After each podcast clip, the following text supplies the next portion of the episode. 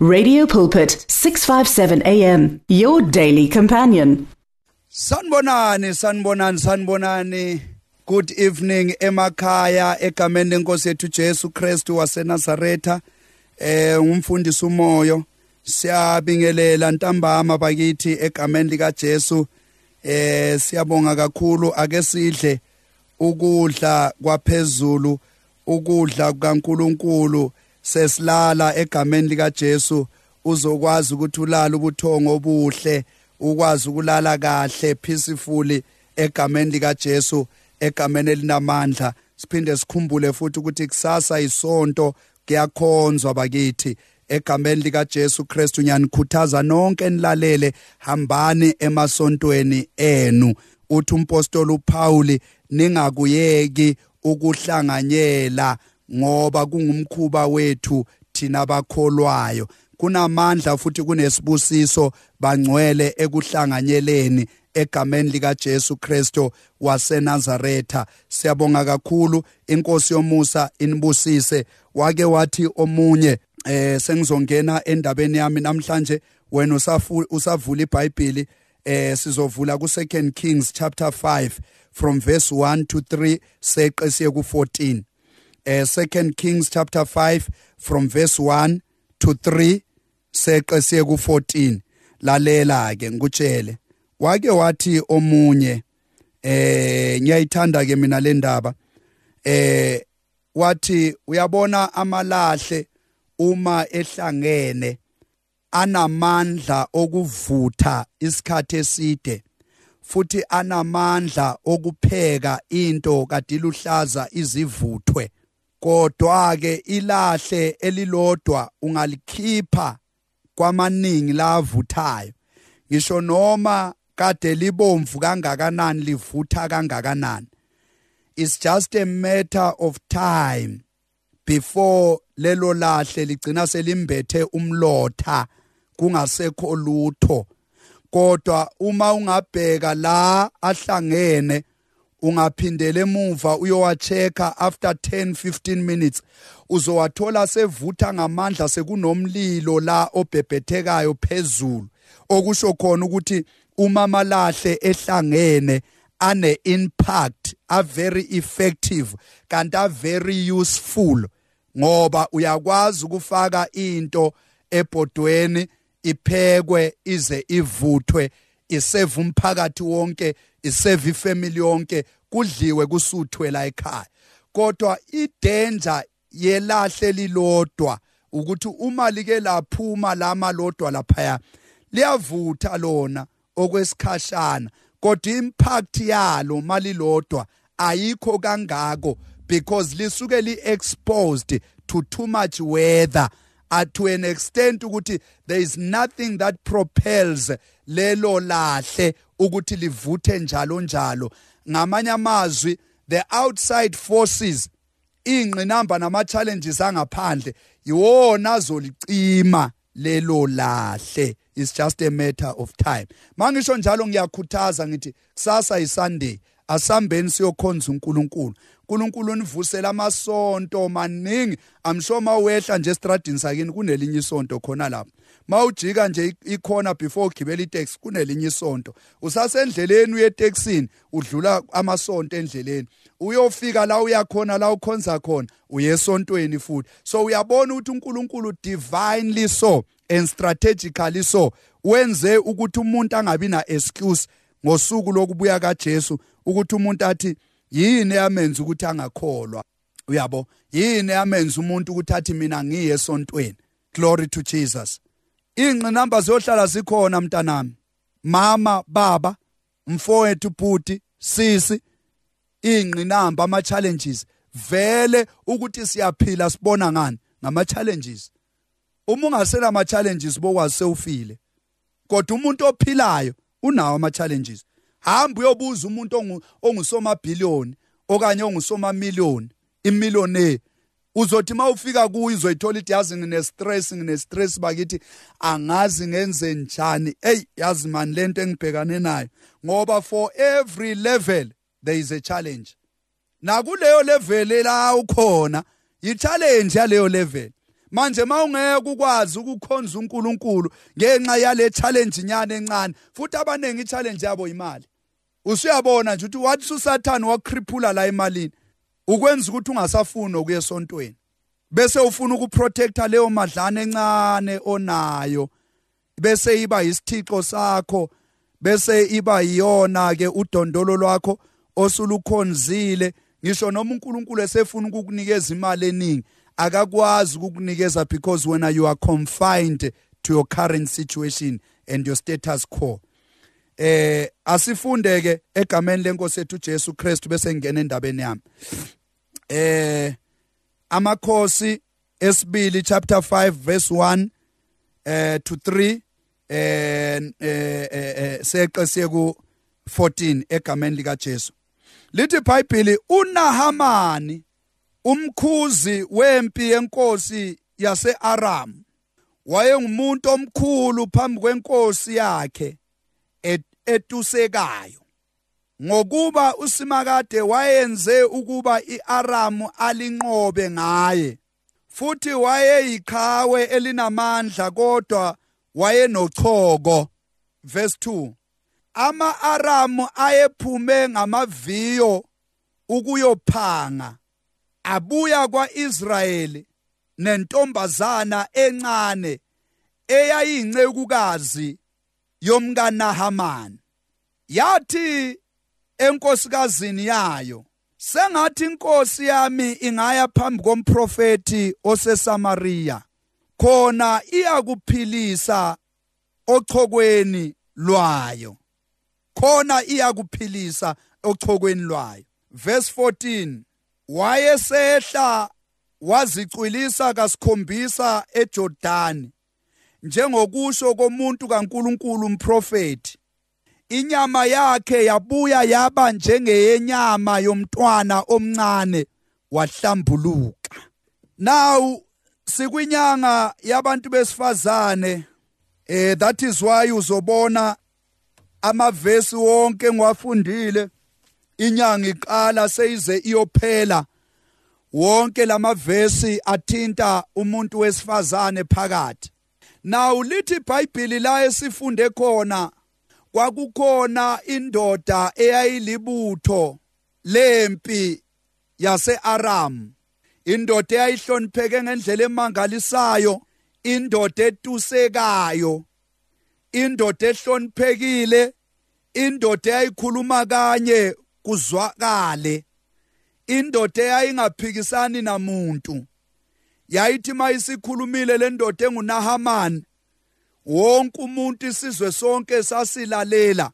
Lithi iBhayibheli ngokuba uNahaman inkosi uJehova ophilayo yayimenze waba namandla amakhulu esenqobe izizwe eziningi ngaye uNahaman. Ngamanye amazwi sesiyathola ukuthi uNkulunkulu uyakwazi ukukunqobela izimpi zakho ngomuntu. Now sikuthola phi la? iBhayibheli alithi isizwe sasinamasosha azilwela ezimpini bazinqobela. No kodwa sizwa igama likaNahaman ligijima phambili. Sengathi umuntu owayephethe induku yokuvula ulwandle olubomvu kulesi sikhathi sikaNahaman. Kwakunguye uNahaman ngoba njalo uNkulunkulu mayezokwenza into endaweni okanye ebandleni kuba khona umuntu wakhe amvusayo. Bese uNkulunkulu umbathisa umfukamela ngamandla bese umnikeza into esibiza ngogcobo lokuthi yena izinto noma ezenza zibukeka ngathi zilula emehlweni abantu. Nomunye umuntu sengazacabanga ukuthi no ngingamedlula lo ngingenza kangcono kunaye. Kodwa uma ngasakanikezwe nje leyo platform nethuba kube nzima ukufeza izinto lo obiziwe azenzayo. Ngoba lo obiziwe mayesenza izinto akazenzeli yena naye uyenziswa. Yilento ehleli phezulu kwempilo yakhe nebusa phakathi kwempilo yakhe esiyibiza ngani? Ngogcobo.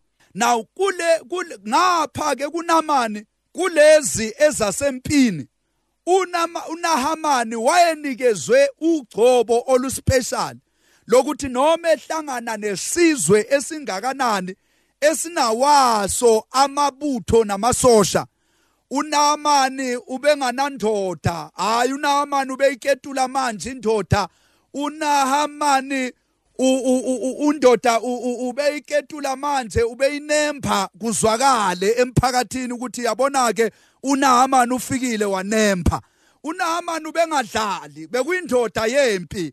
Now kodwa noma enjalo ke uNahamani mm, lithi izwi likaNkuluNkulu enamandla enjalo enesikhundla enjalo enemali enjalo enayo yonke into eseva ngaphansi kwenkosi. In other words uNahaman he was second in command to the Assyrian king. Wayengunumber 2 ku-Assyrian king. Inkosi yaseSyria yayingenzi lutho ingabuzanga uNahaman ukuthi Nahaman uma kunje senze njani? Ngoba wayephiwe ukuhlakanipha okuspecial nguNkulunkulu ukuthi uNahaman umeke waya empini unendlela zokunqoba impi. Ya ngiyathandaza uNkulunkulu akakuvusele oNahaman bempilo yakho. Abantu abazothi noma bekhona empilweni yakho ubone ukuthi khona la esiyakhona. Siyanqoba futhi siyaphakama futhi siyakhula futhi kukhona into uNkulunkulu ayenzayo. Ngiyawuthandaza uJehova akakuvusela abantu abanjengo Nahaman uhlobo lwabantu olungamakhawe olune wisdom engajwayelekanga. Kodwa bese lithi ke izwi likaNkuluNkulu kunjalo uNahamani wayenenkinga yochoko wayeneleprosi ngisho noma waye attract abantu ngendlela aye imiphumela yemisebenzi yakhe emihle. Kodwa kwakunelento eyayinobhathi phakathi. Wayenochoko uNahaman uNahaman wayengasondeleki lula ngoba kwabona abantu babesaba leyo nto ukuthi nangu lo baba unochoko wayenesifo sochoko Naaman wayiyonke into bese lithi iBhayibheli kodwa. uNahaman wayenemali bese lithi iBhayibheli kodwa uNahaman wayeyindoda yempi bese lithi iBhayibheli kodwa uNahaman yayindoda ehloniphekile etusekayo emphakathini bese lithi iBhayibheli kodwa wayenochoko wayenochoko. Hayi balalele emakhaya uchoko ngamanye amazwi lurabha lukhansela lubhidliza yonke lento eyakhiwe nguNahamani enhle. Ngoba ekugcineni kwakho konke noma selikhulume ngaye kahle lithi iBhayibheli kodwa wayenochoko. Ngamanye amazwi sekumele manje sikhohlwe ngalokho okuhle sifocuse kulento eyodwa eyenza ukuthi noma ngabe emuhle kangakanani ezenzweni zakhe ngapha emuva kunezinto ezinhle esifisa ukuthi ngabe singasukuma sishaya izandla kube sekuba khona lento ethi kodwa bese sivele sonke sihlala phansi.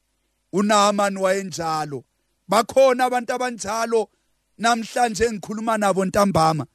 Unezinto ezinhle ozenzile emphakathini. Unabantu abaningi obasizile empilweni yakho. Unabantu abaningi osondelane nabo obalwele nezimpi zabo abazaziyo nabangazazi. Kwase kuba khona lento nje eyodwa ephumele eceleni ethi kodwa wenza ukuthi nokuthi okanye kodwa nguye phela lo okanjena kanjena kanje lento ifana nomuntu othi noma engalunga kangakanani ekhaya athumeke enze yonke into kahle. Nabazali baze bathi lo mfana ulusizo la ekhaya le ntombazana ilusizo la ekhaya. Kodwa ebeseshaywa into eyodwa ukuthi lo mfana ubanjwe ngumoya wama drugs le ntombazana ibanjwe ngumoya wotshwala. Bese kuvele kukhanseleke yonke lento ayenza kahle from Monday to Thursday bese imosha nje ngeFriday nangeSaturday kube nokodwa empilweni yakhe lo muntu. Lalela noNahamani wayenjalo kwakunokodwa. Abantu bayasho ukuthi ayena uyathandaza lo mama. Hayi lo baba uyathandaza. Uma kodwa bebheka isimo sama finances zakho bese baba nalento ethi kodwa hayi yena uyahlupheka. Kodwa hayi yena uhluphile ngokuboleka imali zabantu. Kodwa hayi yena hayi ubukhali sheme emantombazaneni. Kodwa hayi yena nkosi yami hayi uyabathanda amadoda abantu ufana nalomama waseSamaria ngamanye amazwi noma ungenza kahle kangakanani kuyohlala kukhona leli bala elilodwa elifika lihlale eshashalazini. Elifika lihlale obondeni okanye odongeni emthangaleni omhlophe. Lelo bala malike lahlala lapho. Abantu bakhohlwa yibuhlophe. Bonke obugcwele umthangala lo bese bebheka lelo shashalazi bese bebheka lelo balanyana elimnyama elilaphaya odongeni. Kodwa nyathandaza namhlanje ukuthi uNkulunkulu akasule lokodwa. Akasule le leprosi akasule lento ethi kodwa. Nawe noma umthanda uNkulunkulu umsebenzela kunesikhathi la kufika khona ukodwa. Abanye bathi siyamthanda uNkulunkulu umfundisi. Siyakhonza senza konke. Kodwa siseyikolodini ukodwa uyohlala ekhona ngoba lithi iBhayibheli uNamani limbala kahle izenzo zakhe nezimpi azinqoba nesizwe sikhuselekile nje kungenxa kaNamani. Kodwa wayenochoko.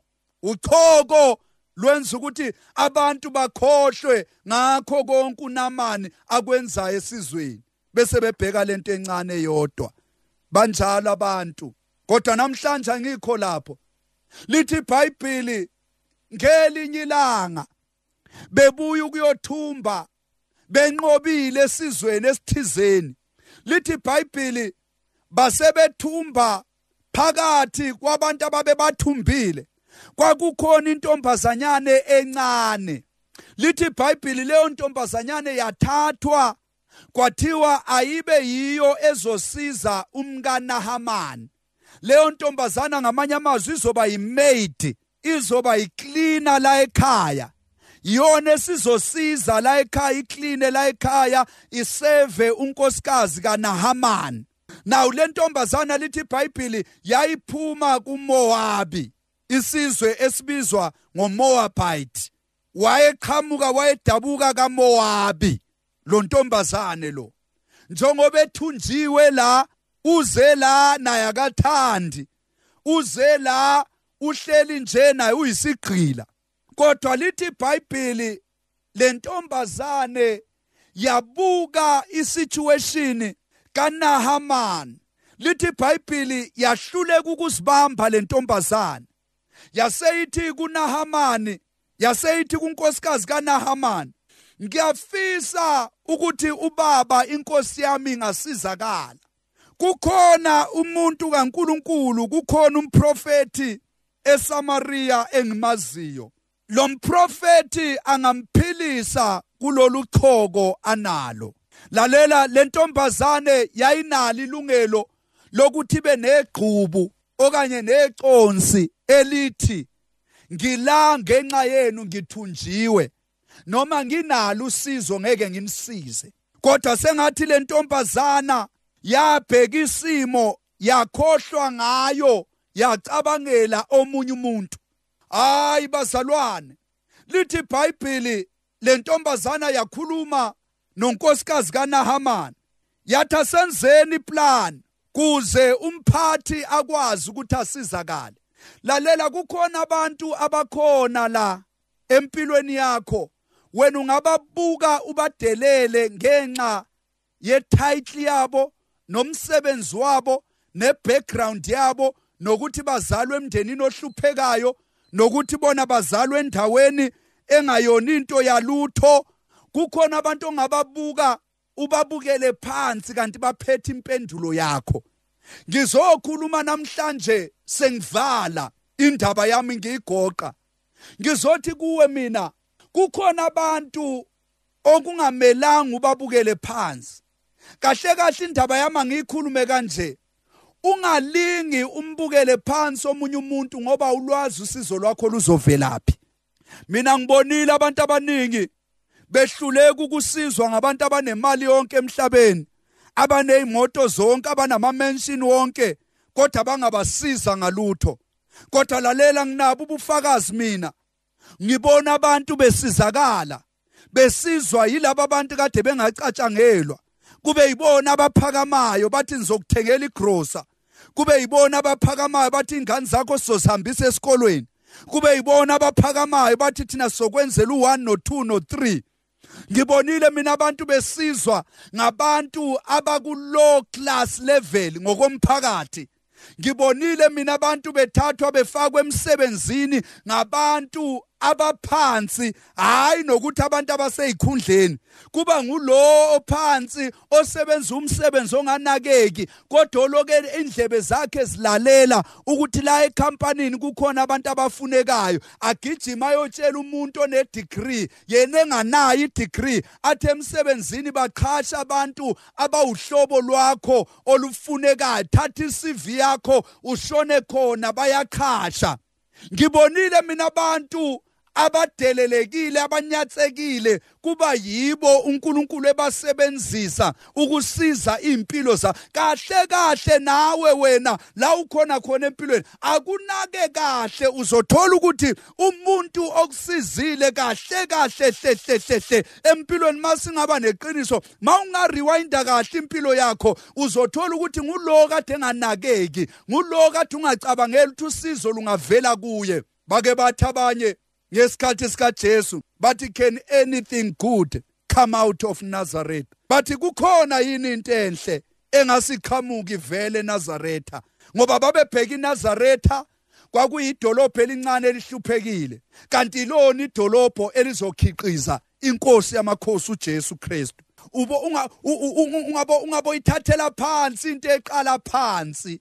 Into eqala kancane into engathi intengentenge that is why lithi iBhayibheli do not despise little things. Out of them comes huge things. Ngamanye amazwi ungayibukeli phansi ungayinyatsi. Into engathi idelelekile into engathi incane kuyo leyo nto leyo kuzovela izinto ezinkulu. Lo esifazana wentombazana wayengumuntu odelelekile. Wayengumuntu onyatsekile wayengumuntu wawungeke ucabangela ukuthi uphethe isolution yendoda eyayinesikhundla yendoda eyayisaziwa yendoda eyayisenza izinto ezinkulu la emphakathini. Indoda eyayihlonishwa njengonamani kodwa yayinesituation engakwazi ukuthi imali yakhe imkhiphe kuleyo situation ngoba siyo yonke into elungiswa ngemali. Ezinye izinto zidinga umuntu kaNkuluNkulu. Yathi le ntombazana khona umuntu kaNkuluNkulu endaweni. Hamba uye kuye lo muntu. Uzokusiza kunyamalala uchoko. Siyabonga kakhulu balaleli mabukele emakhaya egameni lenkosi ethu Jesu Kristo waseNazaretha. Inkosi yomusa ayinibusise. See you next week same time. Ngumfundisi umoyo lo weChrist Family Assembly egameni lika Jesu Kristo silaphaya eArcadia Hotel. Eh, eh, number 515 Johannes Ramakose Street. Ngilapho ngiyathandazela uNkulunkulu wenza imangaliso. See you on Sunday. Siqala inkonzo yethu ngo9 ekseni siyabonga kakhulu. Imessage yami ngiyaqhubeka ngayo njalo next week Sunday. Ungaphuthelwa. Khona into engiza nayo. Khona into eza ngamandla ezosiza impilo yakho. God bless you. The words of the Lord are words of life. Your heart is on 657 AM. 657 AM. Radio for believers in action.